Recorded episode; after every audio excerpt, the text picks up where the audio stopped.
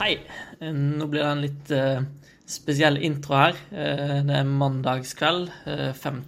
august. Vi spilte egentlig en episode i dag tidlig, men under Polen rundt så skjedde det dessverre ei ulykke. Bjørg Lambrecht velta, kolliderte.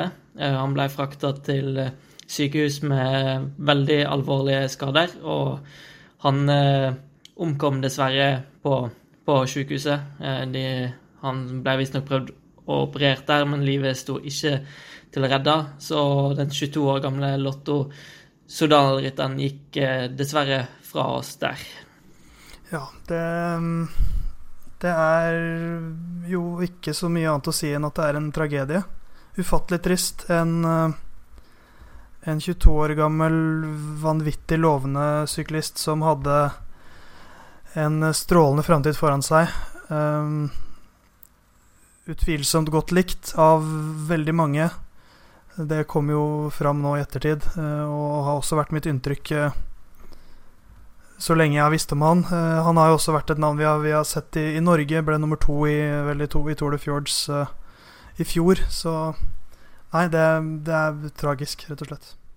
Ja, som dere sier, han han er en person som eh, de fleste har hatt et uh, veldig godt uh, inntrykk av.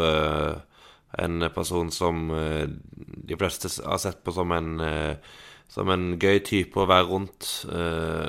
og så er det rett og slett bare en, en helt brutal avskjed. det det er litt sånn vanskelig å, å, å sette ord på noe sånt, fordi en for all del en har hatt et par sånne hendelser, dessverre, for mange de siste åra, men det er bare Det er bare sjokk. Eh, det er rett og slett bare sjokk. Ja, det er halvannet år cirka siden Mikael Golarts eh, døde under Paris-Roubais. Da var det jo riktignok hjertestans, men det er jo Viser igjen at eh, det er en en, en farlig idrett. Eh, er, de, disse gutta sykler med livet som innsats, men man tenker ikke alltid over det, så Så det er Nei, det er, det er bare tomt uh, i hodet mitt nå, merker jeg. Ja, det blir med, med sjokk og vantro. Uh, og så sender vi sender varme tanker til lagkamerater. Uh, Carl Fredrik Hagen er jo lagkamerat med han og sykler med han i Polen rundt. Og vi sender selvfølgelig støtteapparat, og spesielt til, til familie. Eh, og så Ja, jeg vet ikke mer hva mer jeg skal si. Det, det er veldig tung beskjed å få, så kommer episoden som vanlig, vanlig nå i etterkant av det her, så ja, jeg, jeg, jeg, jeg syns vi kan si litt om det òg, fordi at det er, jeg syns det er riktig å gjøre, fordi at eh, han døde for en idrett han elsker. Um, og jeg, jeg, er ikke i tvil om at det han hadde ønsket selv, var at sykkelsporten skulle fortsette. Uh, han kommer aldri til å bli glemt, men vi velger allikevel å publisere episoden som ble spilt inn før det her skjedde. Uh, fordi jeg rett og slett tror at det er det han ville ha ønsket.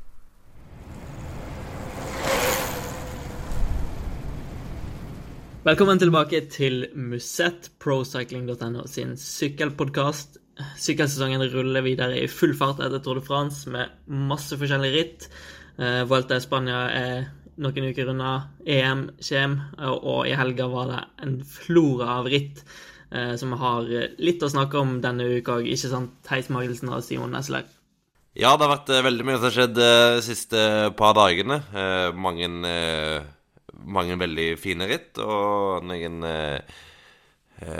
fine hendelser å snakke om, så det skal bli nok å ta tak i, Theis. Ja, Simon, man rekker på en måte ikke å ha sånn post Tour de France-blues, fordi at man må bare om man må liksom bare omformulere litt i hodet og så bare se på de rittene som kommer. For det, det skjer jo så mye nå. Det skjer jo enda mer nå enn under Tour de France. For da sluker jo Tour de France alt. Mens nå er det jo EM, og det er Polen rundt, og så kommer Bink Bank Tour og Arctic Race of Norway, og nå er det jo, nå er jo Det er jo nå det virkelig tar av for oss nerder, da. Uh, og vi kan spinne rett videre til det som stjal overskriften av denne helga. Uh, som har vært nevnt uh, en rekke podder tidligere i år. og klinte virkelig til i helga Remco Evenepool på, på det høyeste nivået World Tour etter klassiker San Sebastian. Han, det, det viser seg at han er akkurat så god som man tror.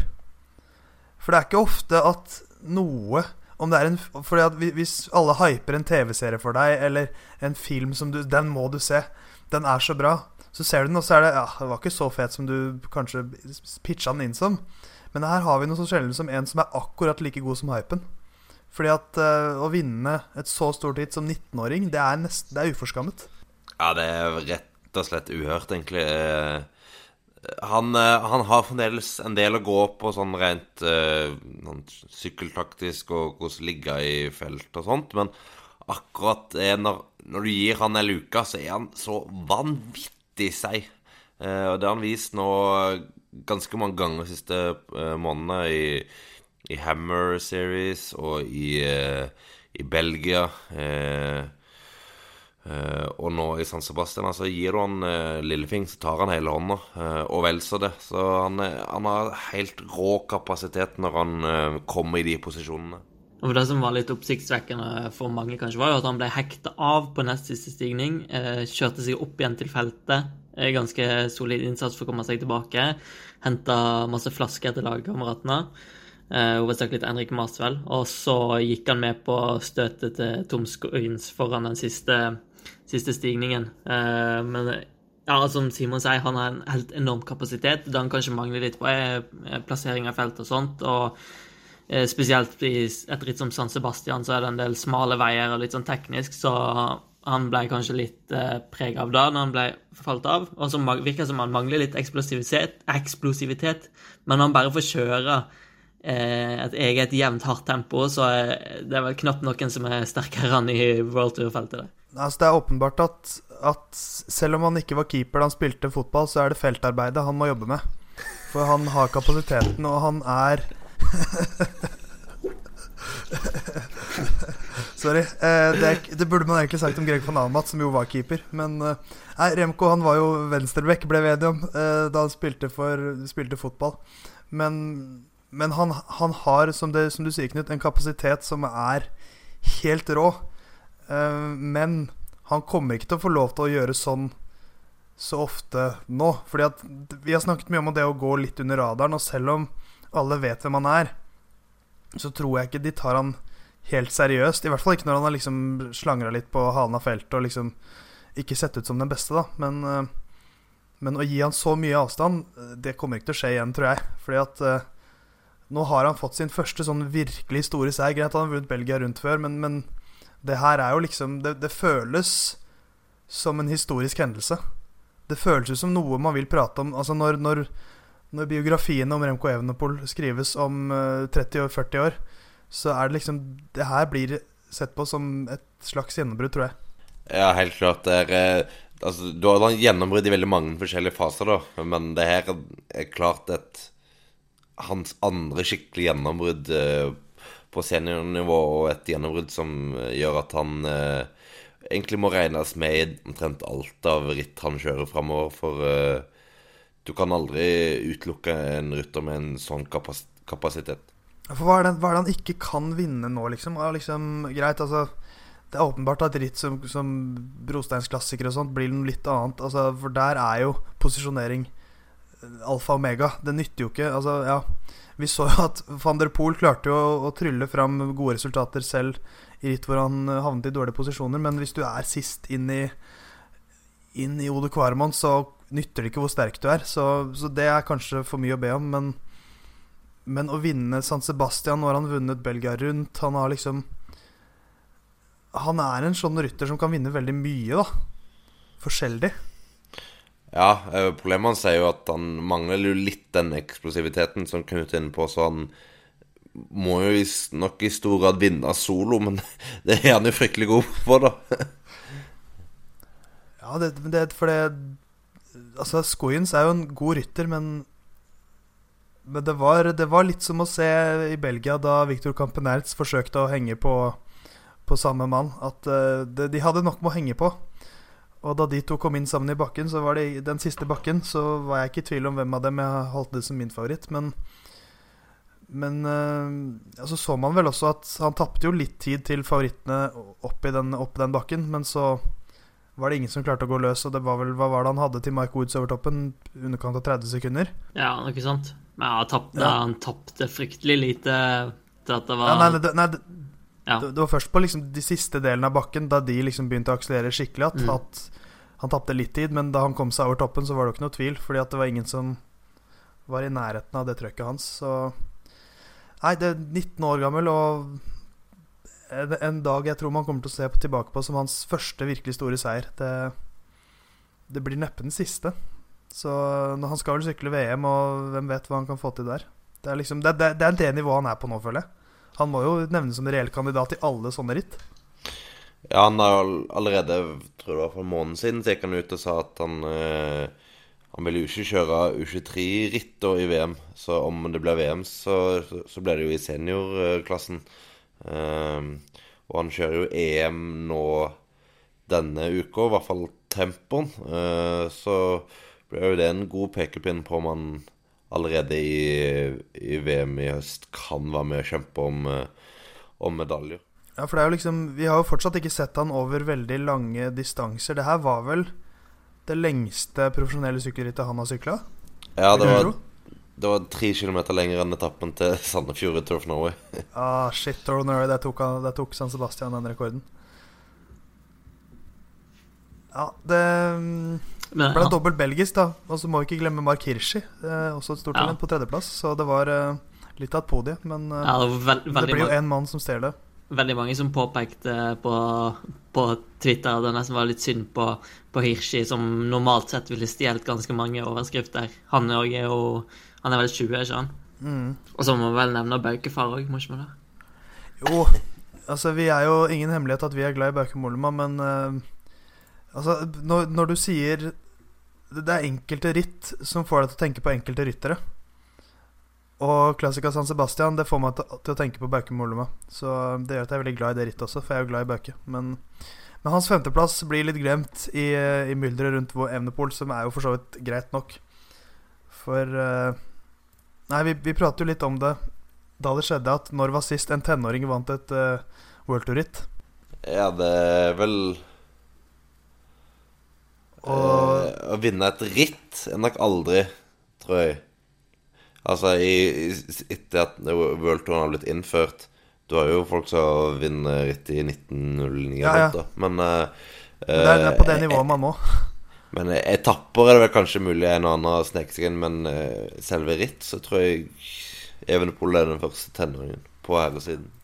For det er jo sånn Hvis du ser på liksom de store stjernene nå, da, sånn som Peter Sagan Han vant to etapper i Paris-Nice. Det var hans liksom første store seire. Og da var han 20 år gammel. Så ja, Han krøkes veldig tidlig. Men uh, altså, vi var jo Jeg var jo litt sånn usikker på hvordan han kom til å gjøre, gjøre det i år. Om, om vi kom til å liksom se han få ut sitt potensial allerede i år. Om han var så god, eller om det var sånn nå er du i the big leagues, nå må du sykle på en litt annen måte. Men det viser seg at han kan gjøre akkurat det han gjorde i, i juniorklassen. I hvert fall foreløpig. For jeg tror nok det har vært et sånn lite element at ok, en liten valp som kommer hit inn til uh, the big dogs, nå, nå skal du få se åssen det gjøres. Men han gjør dem til skamme, alle sammen. Det er, litt, det er jo nesten litt pinlig for dem. At det her bare skjer så lett. Ja, sånn, sånn utenifra så er det nok litt pinlig, ja. Men jeg tror òg samtidig det er litt Altså, det er reelt at han bare er så sterk at det, det er vanskelig å gjøre noe med. Ja, altså det, er, det er som, som, For å ta tilbake til kampen Ertz, det det han, han som satt i brudd med Evenepool i Belgia rundt da han tok sin første proffseier, eh, så veltet jo Evne, eh, kampen Ertz og, og klarte å henge med, men, men, han hang jo med ganske lenge, og han sa at han har aldri vært altså, sittet på et hjul som det, som det, har vært så vanskelig å følge. Eh, for det var, det var så sinnssykt trøkk. Så Nei, det er, det er, vanskelig å si noe mer om han. Og han er 19 år gammel, så vi må ha, vi må ha ting, å si om han i 20 år. Så det er litt utfordrende. Jeg tipper ja, altså Nå har han liksom gått litt gradene her med gjort sånne ting. da, sånn Han gjorde det i Belgia, uh, han gjorde det i Adriatica og Nucca Race òg, for så vidt. Det er lavere nivå enn Belgia. Og så gjorde han det nå på World Tour-nivå i San Sebastian, da. Så jeg, ja, det er vel litt sånn at han ikke får den gratis så veldig mange flere ganger, i hvert fall. Nei, det, det Altså, vi, sånn som å gå under radaren, sånn som vi sa om Nils Politt i Paris Roubais, at dette er liksom siste gangen du kan gå under radaren. Og det gjorde han, og så ble han nummer to. Men når du slutter å gå under radaren, så er det en grunn til det. Fordi da er du veldig god. uh, og da trenger du kanskje ikke den radaren for å vinne noe. Så, uh, så jeg tror ikke man skal forvente at han bare i hvert World Tour nå kan gjøre det her, men at han gjør det igjen. For han er 19 år gammel. Det er klart han kommer til å gjøre det her igjen. For han, han kommer jo sannsynligvis til å bli bedre. Om kanskje, kanskje han ikke blir bedre fysisk, så vil han få andre ferdigheter også, som er mye verdt. Hello, I'm Alberto Contador and listen to Mushet.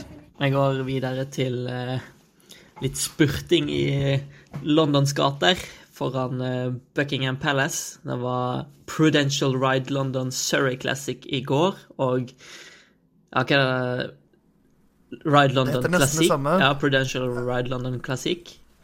Yes. Damerittet på lørdag. På lørdag.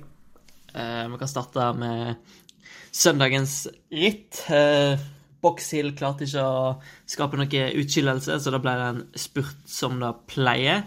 Eh, UAE med Alexander Kristoff eh, i rekkene. Gjorde eh, ganske bra jobb i forkant av oppløpet, men så skjærte det seg litt.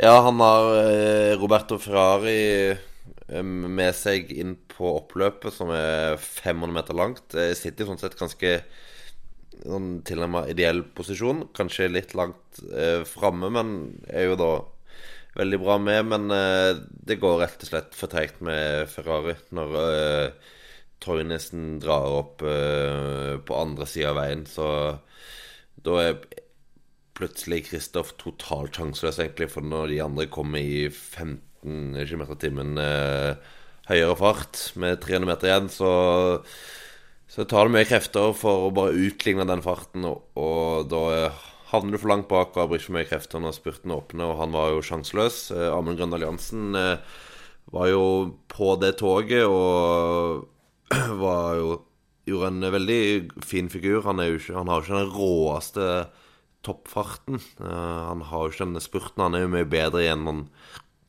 tidligere fase i et opptrekk, men uh, leverte jo veldig gledelig med en femteplass. Ja, hans beste prestasjon i et, uh, et World Tour-ritt, så det er uh, fint å ha med seg det. Det blir jo uh, en duell da mellom Viviani og Bennett etter et fantastisk opptrekk som alltid fra Mikael Mørkhaug, som til slutt blir nummer tre. Så er det Viviani som, som tar seieren, men, men, det er jo litt kjipt med Kristoff. Det er veldig vanskelig å, å gjøre noe annerledes når han havner i den situasjonen. Er jo, han er jo egentlig bare satt sjakk matt. Det Altså, når det går så treigt, det opptrekket, så, så blir du slukt. Så, og det er den evinnelige praten om at eh, det er en jevn akselerasjon som er det beste når du skal vinne en spurt, og så må du ha en, en, en spurt bare for å utligne hastigheten til de som spurter forbi deg. Så er det ikke så mye å få gjort med det. Det er faktisk helt tullete klasseforskjell på Tønisen og Ferrari der. Altså, Ferrari sitter i front og spurter alt han har omtrent, og så bare kommer Tønisen på høyresida og bare feier forbi. Og ja, Ferrari har jo eh, jeg, jeg, tror nok enig at han har sett sine, sine beste dager, men jeg, jeg syns det er litt merkelig at de valgte å gå for et opptrekk nå, for uh, uh, de har jo oftere når uh, Ferrari har kjørt og sånt, at de heller bruker den til å posisjonere Kristoff framfor å gjøre et rent opptrekk. Så litt overraska de gjør det på, på, et så høyt nivå som det tross alt var i den spurten. Men eh, det er litt sånn Hva skal du gjøre? Skal du stole på opptrekken din, eller skal du hoppe vekk fra en eh, andre posisjon med 500 meter igjen? Det, det krever jo litt, det òg. Jeg forstår jo at Kristoff eh, går opp på hjulene. Det er jo det naturlige å gjøre, men han ble jo satt relativt sjakkmatt, som dere sier. Og får jo òg en mann rett ved høyre, på høyresida si som gjør at det er enda vanskeligere å komme seg inn på det toget som går på inne ved gjerdet på høyre side. Så sjakkmatt.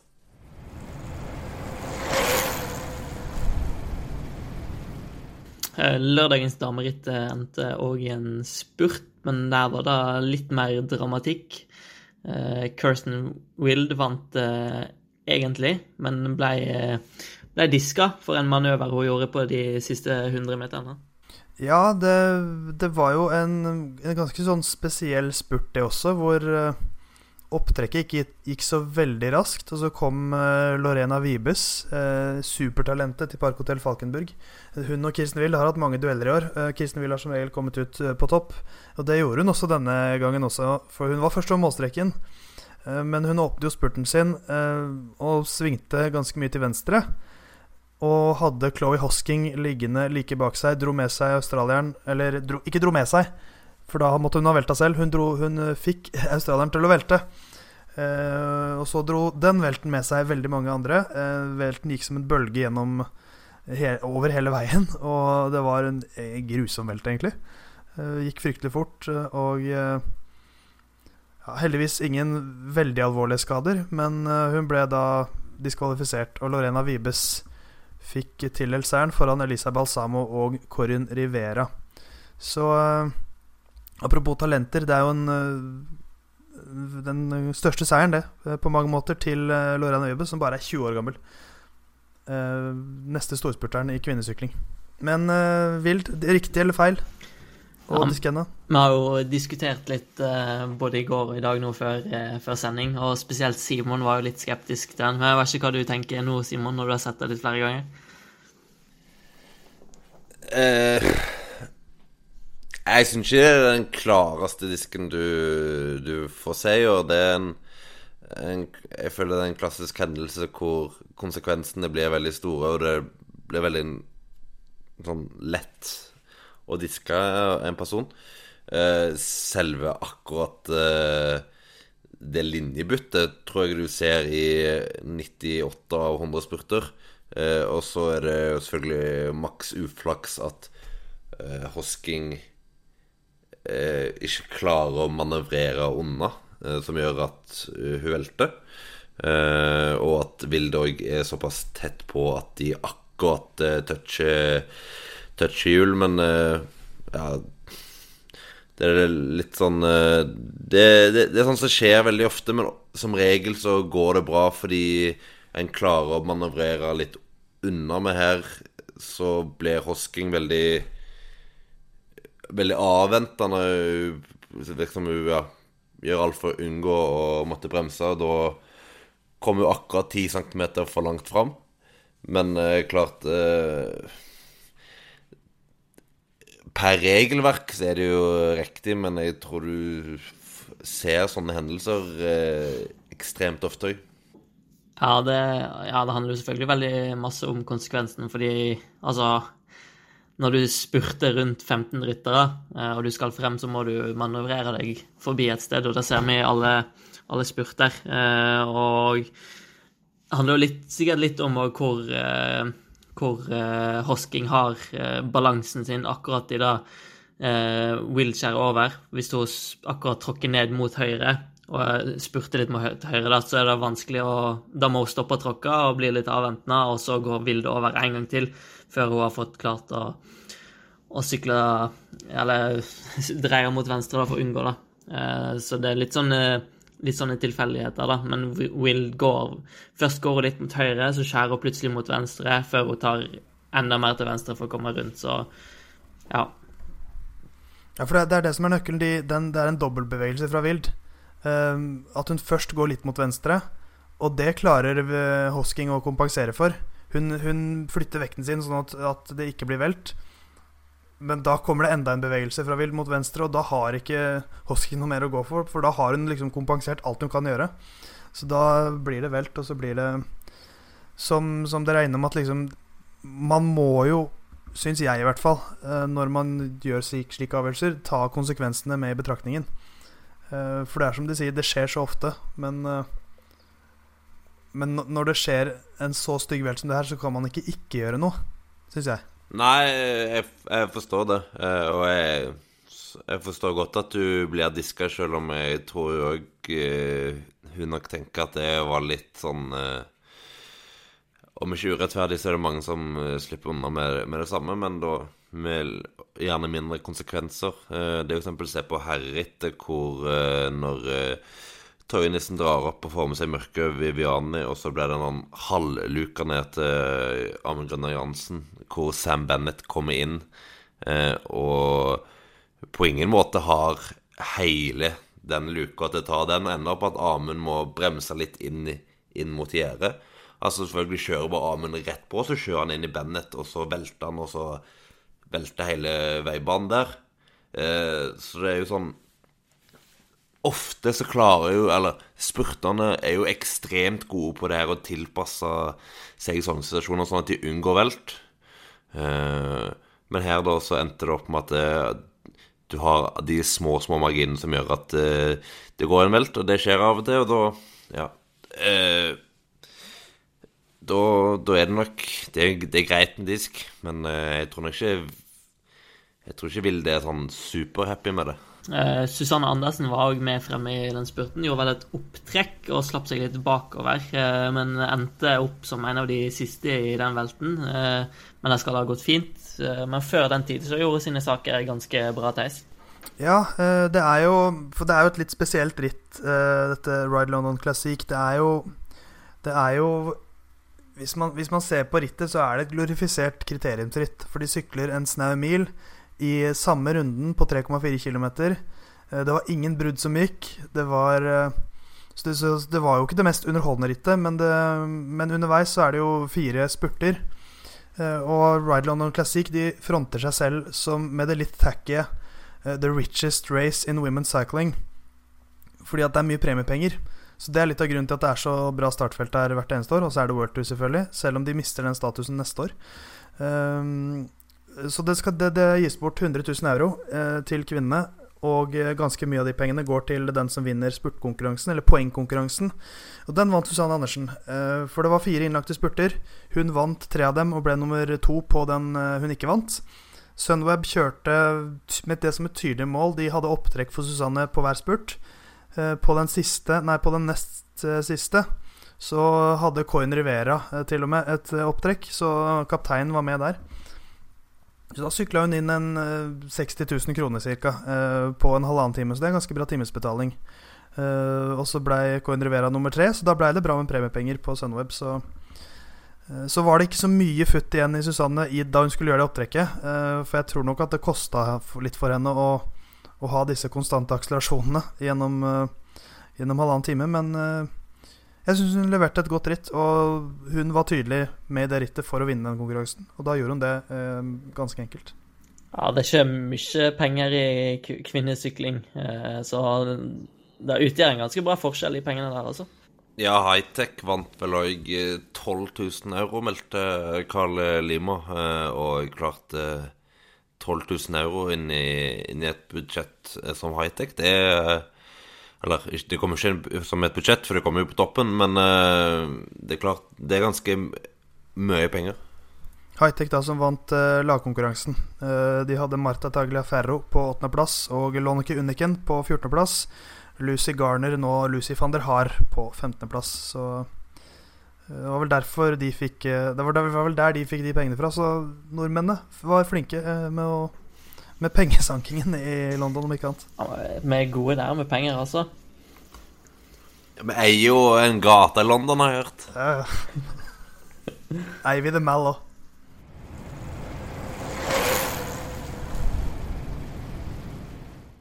Første august så eh, åpna ja, Jeg vet ikke om vi skal kalle det overgangsvindu, eller hva vi skal kalle det, men uh, muligheten for å offentliggjøre signeringene dine og forhandle og innlede forhandlinger, eh, selv om det egentlig foregår i Modna før òg.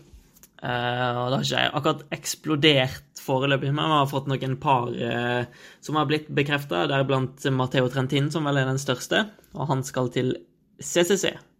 Ja, det er jo en uh, spennende overgang, det. Jeg tror det ligger en del uh, penger i den potten, for, for å se det rett ut. Eh, for eh, Trentin har jo hatt det veldig bra. Michelin Scott har fått Eh, mye sjanser der. Uh, kommer til CCC, hvor han da utgjør en uh, duo som Greg van Armat, som jo kommer til å bli ganske farlig i, i klassikerne.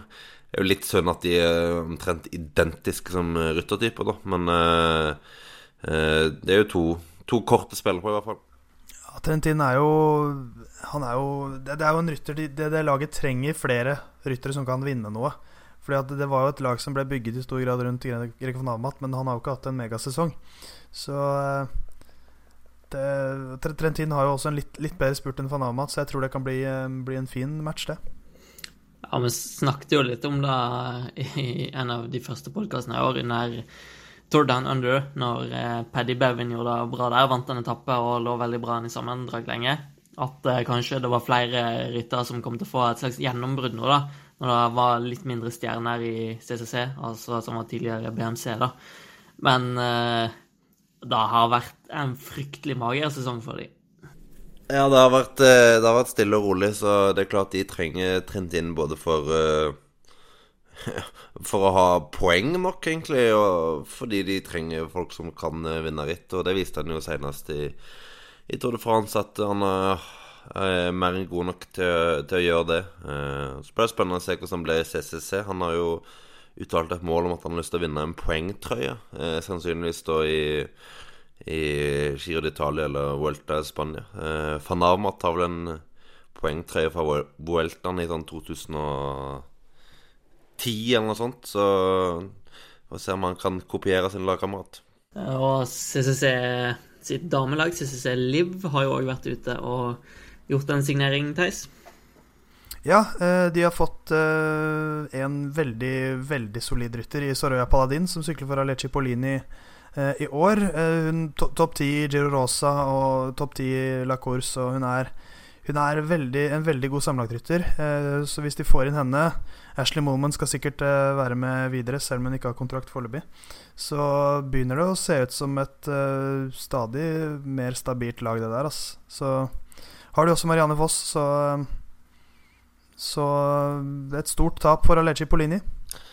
Ja, En veldig god rytter, selv om hun ble jo slått av Stine Borgli i Walter Burgers. Så viser jo noe om nivået til Borgli òg. Eh, en annen stor overgang på damesida er jo Lucina Brand, eh, som går fra Team Sunweb til Trekk, som eh, ytterligere forsterker laget sitt.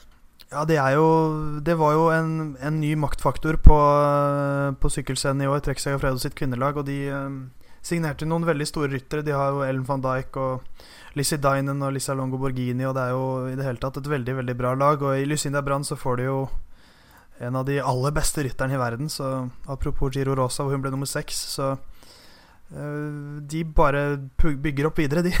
Eh, fra bekreftede overganger kan vi spinne litt videre til ryktebørsen. Eh, hvor det er ja, ganske stor bevegelse. da. Sannsynlig at mange eh, flytter på seg. Tom de Moulin blant annet er visstnok misfornøyd i Jumbovism Nei, i Sunweb, og eh, visst sannsynlig med en overgang til, til Jumbovisma. Eh, ganske spennende, den. Den er vel den mest usikre av disse eh, ryktene, med tanke på at han jo har kontrakt eh, fremdeles med, med Sunweb Borg i, i, 2020. Eh, men eh, det vil jo Det vil jo være fryktelig spennende om det skjer. Eh, tenke på hva Jumbo Visma gjør med laget sitt òg, for da har de et latterlig godt lag. Eh, om de sende alle kreftene rundt eh, f.eks. én rytter i Tour de France, da kan du stille med et lag som egentlig er bedre enn eh, Ineos. Ja, det jo, og det er jo en rytter de ikke kan si nei til heller, hvis han først vil. Eh, den største nederlandske stjernen. Så, eh, men, men, så er det jo litt sånn Sunweb har på en måte vært dem å lære så lenge nå. Han signerte en lang kontrakt, har kontrakt der ut 2021. Så det er ikke bare bare å, å, komme seg løs fra det. Men så har det jo vært litt, eh, litt sånn så som så i år. Og, uh, mens, mens uh, Jumbo Visma er et lag som gjør veldig mye riktig, så er det kanskje, har det kanskje stagnert litt i Sunweb. Så jeg, kan jo, jeg kan jo skjønne at han som nederlender spesielt ser på det laget og tenker Oi, det er jo her jeg bør være. For de gjør alt riktig.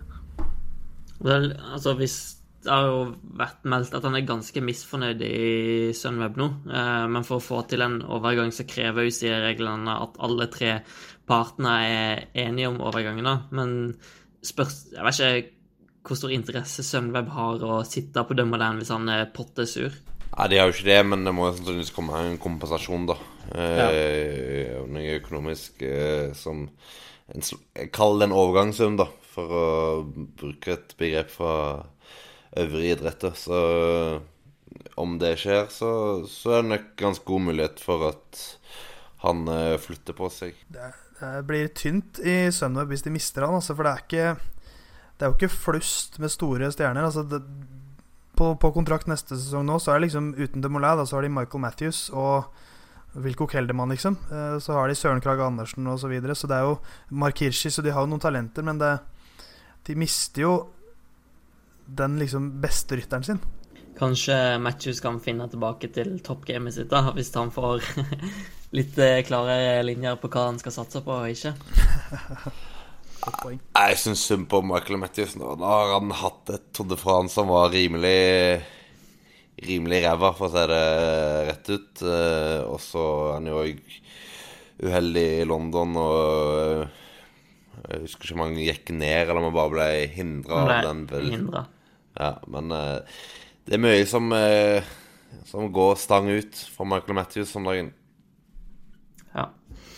Eh, videre på ryktebørsen så har vi òg eh, Nibali og Quintana, som vel nesten mer eller mindre er bekrefta uten at det er offisielt. Men Nibali går til eh, trekk, og Quintana mest sannsynlig til Arkea.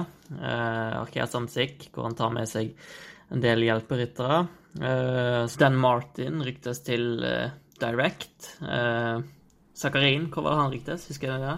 CCC. CCC, ja. Avhengig av hva som skjer med Katusha også. De har jo Ja. ikke muligheten til å gi han en ny kontrakt, slik det ser ut nå. Nei, Usikker finansiell framtid. Ja, og det kan jo endre veldig mye i overgangsmarkedet ganske kjapt om det kommer en beskjed i morgen om at Katusha er ferdig. Eh, da er det mange gode ryttere som plutselig Eller ikke plutselig, de har nok allerede starta på den eh, prosessen, men da, da kommer de til å starte en skikkelig en kabal om de ledige plassene igjen. Og så eh, er det litt eh, utskiftninger blant spurterne òg. De to som spurta om seieren i Ride London i går, Sam Bennett og Elia Viviani, skifta høyst sannsynlig arbeidsgiver. Patrick Lefebvre bekrefta vel mer eller mindre at Viviani skal til Cofidis under Tour de France, og at han har henta inn Sam Bennett som erstatter. Og øh, da er det vel ingen tvil om hvem som kommer til å ha den beste sesongen neste år. Ja, det er Sam Bennett. Ja. Det er jo Altså, det, det er Patrick Lefebvre, for, for han er jo en, en dinosaur på en del meninger, men han vet å få mye ut av pengene sine. Altså, veldig flink til å la spurtere gå. Uh, Kittel, uh, Viviani Og så får han inn da Viviani da Kittel forsvant, og får inn Bennett nå. Så eh, sannsynligvis på liksom lavere lønn, men Bennett ser jo det der at dette er et sted for vinnere. Og da får han jo, så lenge de beholder mørket i Vorichese, så kommer han til å sykle inn så mange seire neste år. Vivis... Og mørket var signert. Ja, Viviani sa jo nå til Gassetta etter seieren i London at eh, de hadde samtaler med Det kunne ganske lenge, men så signerte jo alle Lipp, og det endra ganske mye. For han hun har tydeligvis en ganske feit lønning. Eh, og så sa han òg eh, Jeg er bare lei meg for at den som nå tar min plass, vil få mørkøv. Det, det er jo som å ha, ha liksom den perfekte dama, da. Og så bare dumper du henne fordi du får, får et fett jobbtilbud et annet sted, og så, nei, så er det litt vondt.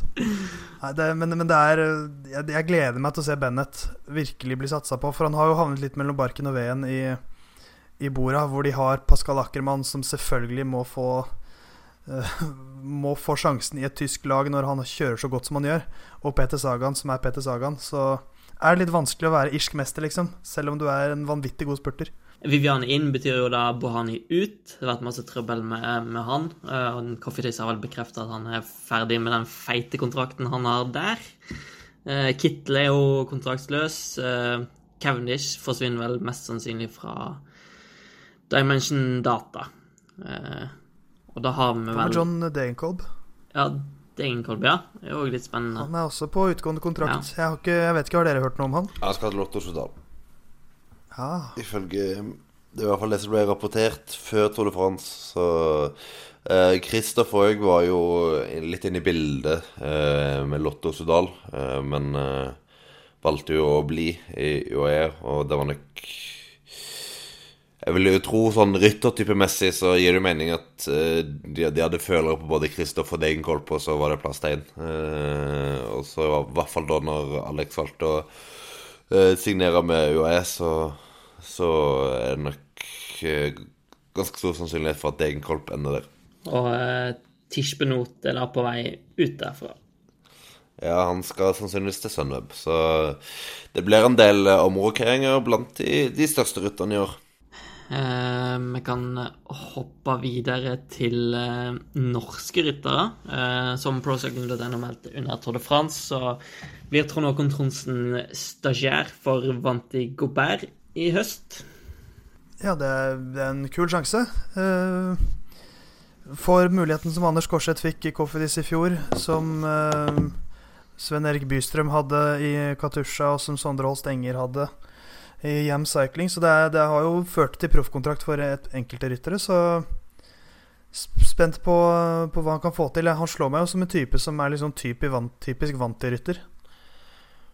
Ja, han er nok, eh, han er nok det nå Han annen klassisk, som du sier eh, Kan kjøre en restarter i litt flere terreng og eh, litt sånn eh, Er sjelden favoritt, men eh, er ofte oppi der. Og det er jo det er sånn vant de pleier å være. Pleier å være gode på å plukke gode plasseringer hele veien. Akkurat eh, når du nevner Bystrøm og Holstenger, så hadde vel de òg egentlig signert eh, kontrakter eh, på kan du si helårbasis eh, i, i etterkant, så jeg vet ikke om det blir en helt rett eh, sammenligning, men eh, ja, det var en god sjanse. Skårseth òg fikk jo et tilbud fra Coffedis i fjor, som han takka nei til. Så hvis Tronsen leverer på at På på, på det nivået vi vet han eh, kan levere på, så regner jeg med at han òg får en lignende sjanse. Hello, I'm Alberto Contador and listen to shit. Eh, mens eh, Trondsen prøver, prøver seg i Vanti, så er kanskje det mest interessante på overgangsmarkedet nå er at Kristoffer Halvorsen er på vei til eh, EF Education First. Han er på utgående kontrakt i Team Ineos og jakter da mest sannsynlig litt eh, større sjanser hos det amerikanske World Tour-laget. Ja, det er jo klart at uh, Team Sky slash Team Ineos har jo aldri vært et lag som har satsa veldig stort på, på spurterne. Cavendish har jo prøvd seg uten noen stor tell, hvor han uh, har blitt avspist eh, med, med få hjelpere i et Tour de France, og Viviani har jo fått en enorm oppblomstring etter at han forlot uh, Team Sky. Etter å ha fått uh, veldig, veldig magert med sjanser de siste uh, årene hans der. Så det er nok et lurt trekk av Hallåsen. Kanskje få sjansen i eksempel uh, ja, Giroen eller noe sånt til, til neste år. Eh, så jeg tror det er et Utviklingsmessig så tror jeg det er et fint eh, steg. Ja, for det, det var jo Fordelen med, med Sky eller Ineos var jo at det var veldig få spurtere der. Det var liksom Chris Lawless som kunne utfordre han litt. Men, men du må jo få sjanser, og du må jo få litt hjelp. Og det fikk han jo ikke i et sånt lag som på ingen måte er bygget rundt, rundt spurtere. Så jeg, jeg, det var jo en overgang, det der, som jeg aldri helt skjønte for Team Sky sin del. Eh, Jeg så liksom ikke helt hva de ville med han, så jeg, jeg kan se litt mer at AF Education er mer et, et lag hvor han kan blomstre litt mer. De har jo ikke uh, veldig mange spurtere. På, på kontrakt som spurter neste år så har de kun Moreno Hofland foreløpig. Uh, og så har de jo Sasha Modolo og Dan Maclay og sånt i, der i år, så får vi se hvem som blir med videre. Men hvis de får inn Doffen, så vil jeg tro at i hvert fall én av dem forsvinner. Og, og det er jo ikke noen, noen enorme laget som tar er, De har liksom Rigoberto Uran, som skal ha mye ressurser i Grand Tourene, så jeg tror vi kommer til å få se Doffen slippe til mye mer. Jeg tenker den Sky-signeringa var nok litt sånn uh, statement. Ja, det, det det var jo litt sånn Det var jo litt sånn en passing of the guards i Team Sky. At liksom, det var en endring litt i måten de gjorde det på. At nå skal vi satse ungt. Da de signerte Bernal og Sivakov og, og Doffen. Eh, og så er det på en måte Er de fortsatt Team Sky og satser fortsatt mot Grand Tours, så da er det en av de som forsvinner. Og Det er kanskje ikke så rart at det er eh, Doffen, så Men eh, det er jo En elefant i rommet er jo Jonathan Waters, da. Jeg, sk jeg skulle til å si det. Nord som- Nordmenn har jo litt dårlige assosiasjoner der. Ja, den broa ble brent mellom han og Thor Hushovd, og Kristoffer Skjerping hadde jo to år i Cannondale som han ikke virker å synes var veldig bra. Mye av ledelsen og måten ting blir gjort på, så jeg vet ikke hva dere tenker om, eh, om den delen av det. Eh, nei, bare jo snakka mye om EF eh, tidligere. Klart Sammenlignet med Ineos så er jo EF et veldig mye mindre lag. Så de har nok litt andre ressurser og sånt tilgjengelig. Men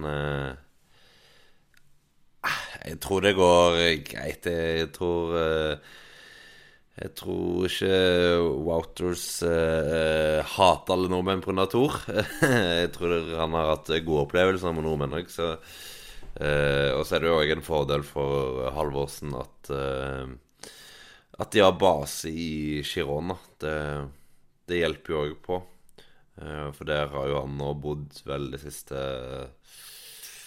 halvannet året, i hvert fall. Så er, jeg, Walter slår meg også som en sånn type som er den, den type menneske som er hvis, du, hvis, hvis han liker deg, så gjør han alt for deg.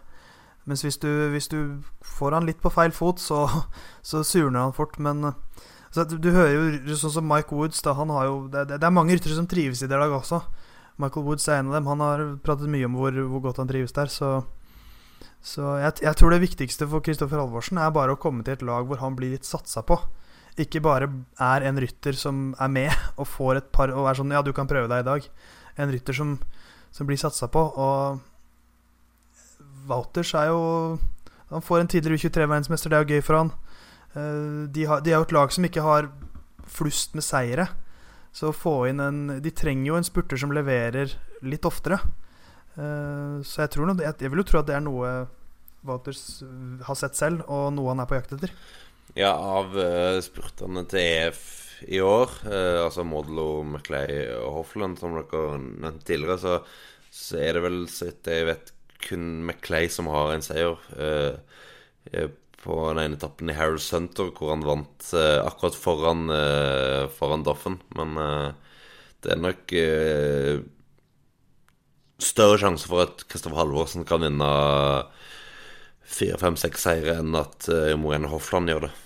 For alle nordmenn som har litt eh, dårlige vibber med eh, Wouters og, og Hushovd, så er det litt sånn som Theis sier, at det handler veldig mye om du er på ja, Ikke nødvendigvis riktig fota, men om du kommer overens med han. Og EF er jo et ganske spesielt lag, som også har vært inne på i, i tidligere podkast der.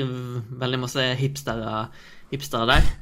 Uh, og Wouters hadde en helt annen rolle i laget når Hushovd var inne. Da var han mye mer direkte involvert i, i ritt og taktikk og sånt, mens nå er han litt mer eh, ja, litt høyere opp i systemet, for å si det sånn. Eh, og så når Skjerping sykla der, så var vel Skjerping inne i laget året etter de fusjonerte med, med Cannondale. Eh, så det var nok en del som ikke var en, Ganske mange brikker som ikke var falt skikkelig på plass der. Det var en sammenslåing som var bare litt sånn Alt var slengt eh, sammen, da. Eh, og eh, jeg tror de har fått mye mer orden på ting nå, spesielt nå som EF har kommet inn som en stabil og langvarig sponsor. De sleit jo veldig med penger fra år til år. Eh, har vel For UCI har en sånn der slags fallskjerm som eh, har lekt litt med, at UCI går inn og betaler ut en sånn der eh, bankgaranti da, som i hovedsak redder laget, som jeg tror Vartas benytta seg av i, i flere sesonger. Og de sleit veldig med å få sponsorer til å signere eh, for mange år, inntil EF kom, da. Så de har fått en mye større stabilitet der. Eh, og de har fått veldig gode sportsdirektører som har veldig god kontroll på ting nå. Da. Det er Charlie Vegelius, eh, Andreas Klier, som Sødem og, og Sepp van Mark... Nei, ikke Sepp van Marke, Ken van Marke, broren til Sepp, eh, som er inne som sportsdirektør her. Og eh, vi har jo òg sett en veldig oppblomstring på resultatene deres i år. Så det er, det er et helt annet lag enn når Hushovd og, og Skjerping var der. Ja, nå er det også De, de har veldig sånn De gjør mye spennende også. Uh, er litt, de, de, er jo litt sånn litt annerledes. Jeg er ikke så glad i begrepet annerledeslag, men er det noen som er det, så er jo litt de det, det, det type laget. Med, med et alternativt rittprogram hvor de kjører litt sånn Dirty Cansa og sånn som vi har vært innom med Lackland Morton, som gjør sine greier, og Taylor Finney og Alex House og liksom Det er en del sånn tilsynelatende ganske bakoverlente folk som er litt sånn rolige uh, og lavmælte, og det er jo litt Doffen, føler jeg. Han er jo i hvert fall avsykkelen, ganske chill fyr, og veldig sånn lett å ha med å gjøre, så det kan fort bli en kjempematch, men jeg tror jo Jeg håper jo at de har tenkt å gi han litt hjelp. At det ikke er bare sånn en sånn signering hvor de har tenkt ja, dette er lav risiko, han skal ikke ha så mye lønn, det er ikke så mye styr med han, men hvis han leverer, så er det gull. Jeg håper det er en de har tenkt å liksom bygge opp litt, ikke bare en de tar sjansen på.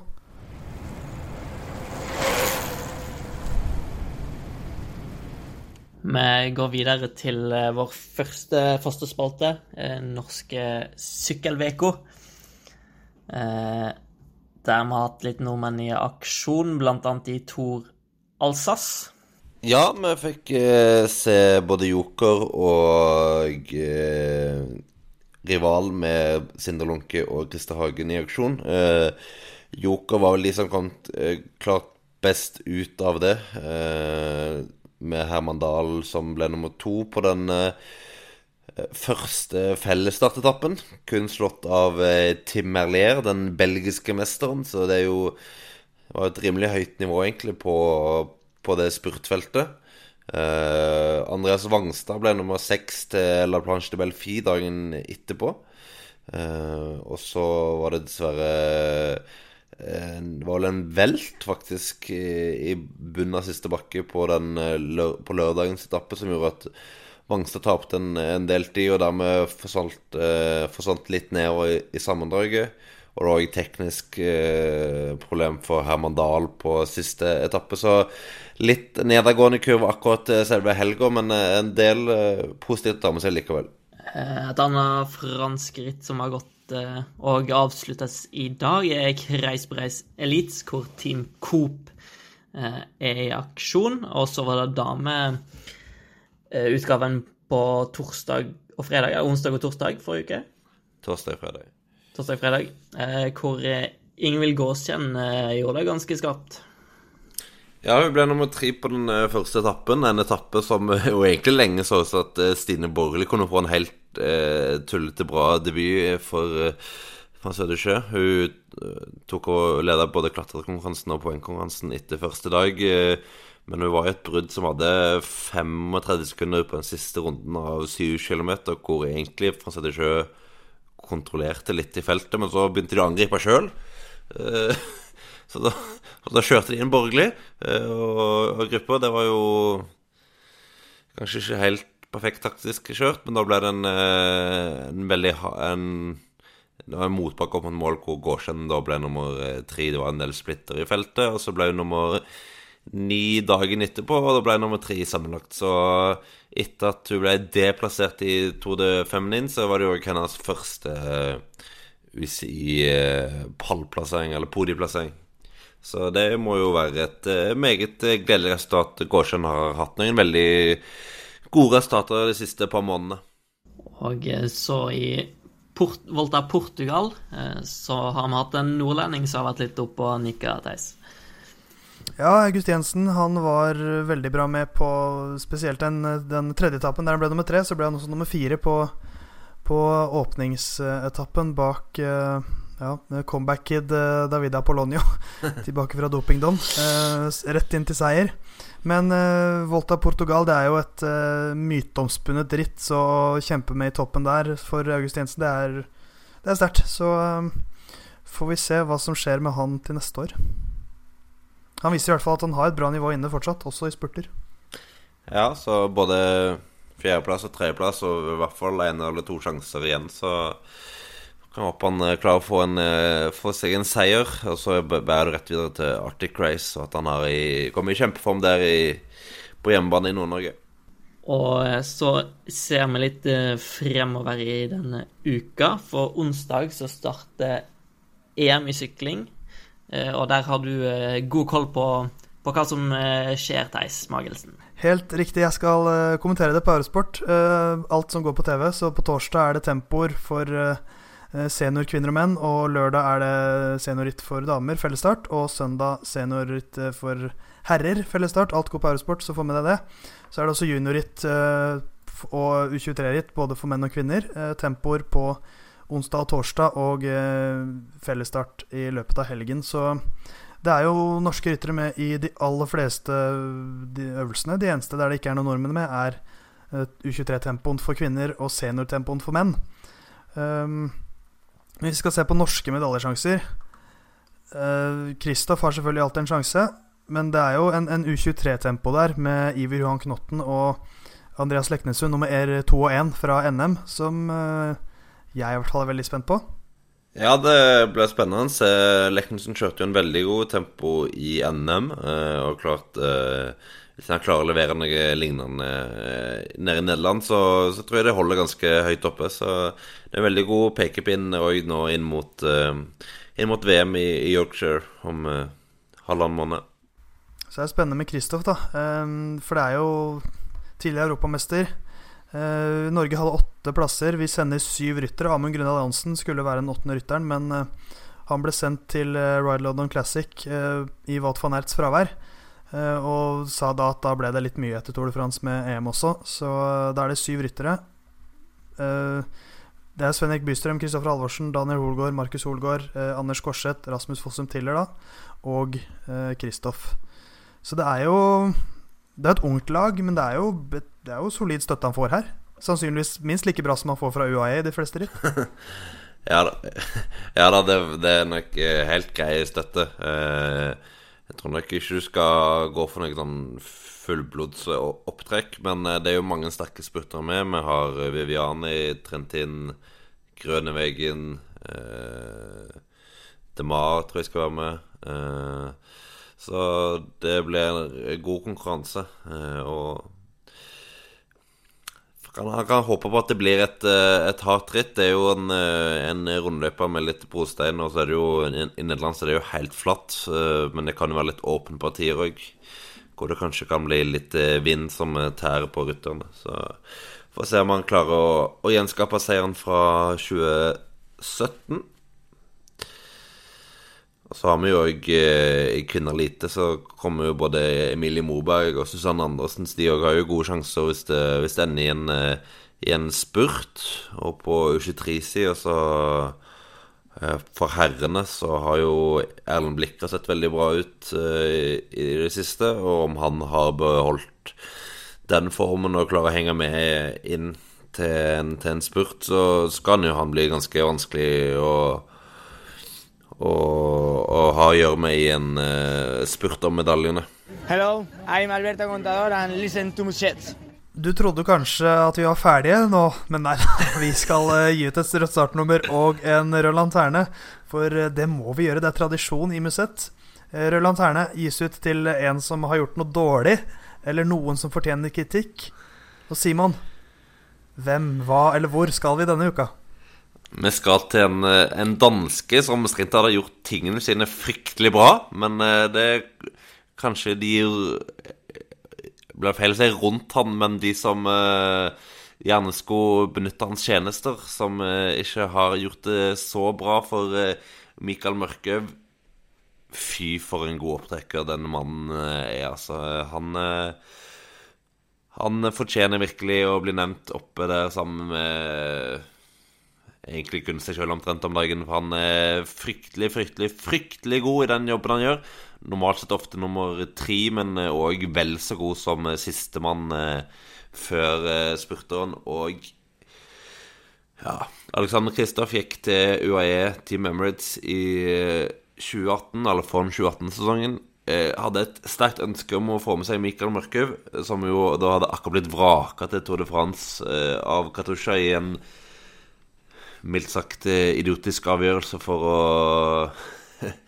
For å bare bekrefte at Kristoff egentlig var ganske ferdig i det Katusha-laget. Men i UAE fikk han heller ikke plass, og jeg syns synd på Kristoff når du ser på det han det han har å jobbe med, og det han hadde jobba med før. For hadde han hatt med seg mørkøv, så tror jeg den karrieren hans hadde sett enda litt bedre ut. Han har tatt en del fine seire i UAE òg. Han så Gent Wevelgem og etappeseieren i Tour de France i fjor. Men uh, gud som han savner en rytter som Mikael Mørkøv. Uh, det hadde hjulpet han ekstremt mye mer å ha hatt uh, Mørkøv istedenfor Ferrari uh, med 500 meter igjen der i London i helga. Så den røde lanternen gis til Eh, den, ledelsen i UAE? Den, den gis til ledelsen i UAE, som ikke forsto Kristoffs behov sterkt nok når han tydelig signaliserte at eh, Mørkøv er en mann jeg vil ha med meg.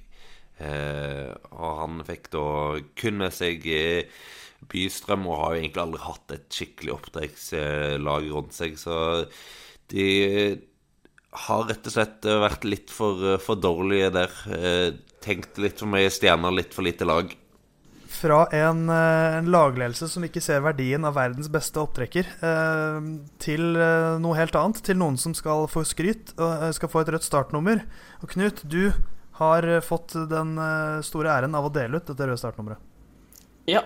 Eh, vi skal til eh San Sebastian, men eh, ikke Remco Evenepool, som kanskje mange tenker nå. Vi skal til eh, kvinnerittet Donostia San Sebastian Classicoa, hvor en australier endelig fikk skinne.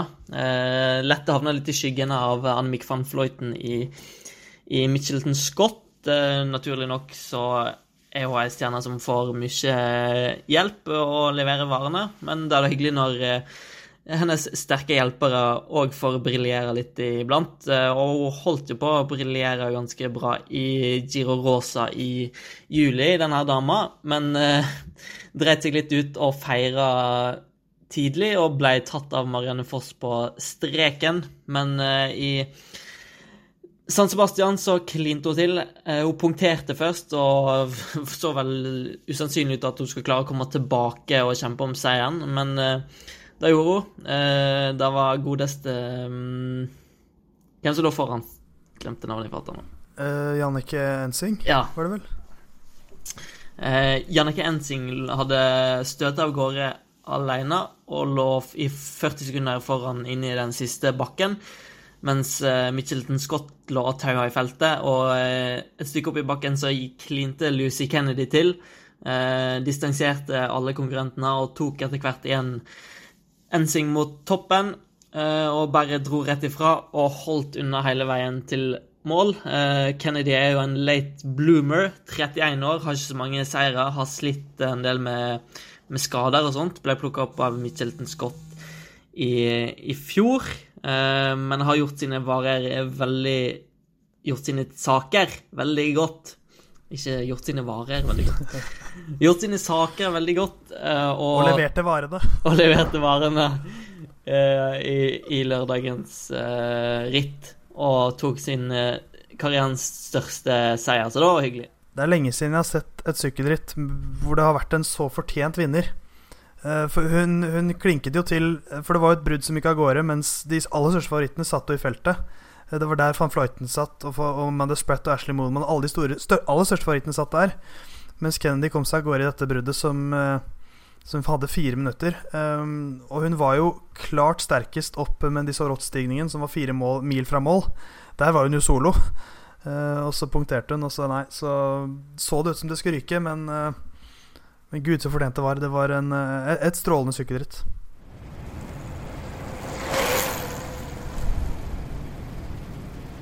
Da eh, går det mot slutten her. Vi satt her litt i forkant av eh, innspillinga og var litt tafatt, eh, men det var visst ganske mye å prate om likevel. Det er jo det som Det var litt det jeg sa i starten også, at Tour de France er så, det er så det, Da er det bare det man snakker om, mens nå er det så mange historier. Så det er jo Det er mye man skal rekke over. Men det ble episode, gitt. Ble episode, gitt. Ja, så nå får vi runde av, sånn at jeg kan eh, komme tilbake på litt mer vanlig eh, jobbing her. Ja. Klør i fingrene til Simon nå. Det har jeg gjort i en halvannen time. Da, vi, vi brukte en halvtime før sending på å snakke om Jurassic Park og politikk og så, Krig og fred og politikk og sånt. Ja, så Simon er drittlei nå, så det er bare til å gi, eh, gi Theis eh, rød løper til, til det han skal si. Ja, for uh, du slipper ikke unna det denne uka, Simon. Uh, vi, uh, vi vil gjerne at du går inn på iTunes, for det er ofte der man finner podkaster. abonner på oss, last oss ned, og hvis du syns vi gjør en god jobb, sleng gjerne inn en rangering. Gjerne fem stjerner, og skriv gjerne en liten kommentar. Så blir Simon, Knut og Theis her veldig glad. Så gå inn på iTunes, abonner, last ned og ranger. Og så følg med på procycling.no og Eurosport for eh, Polen rundt og EM. Og så er vi tilbake i bakkant av eh, de rittene med en ny podkast. Så snakkes vi, da.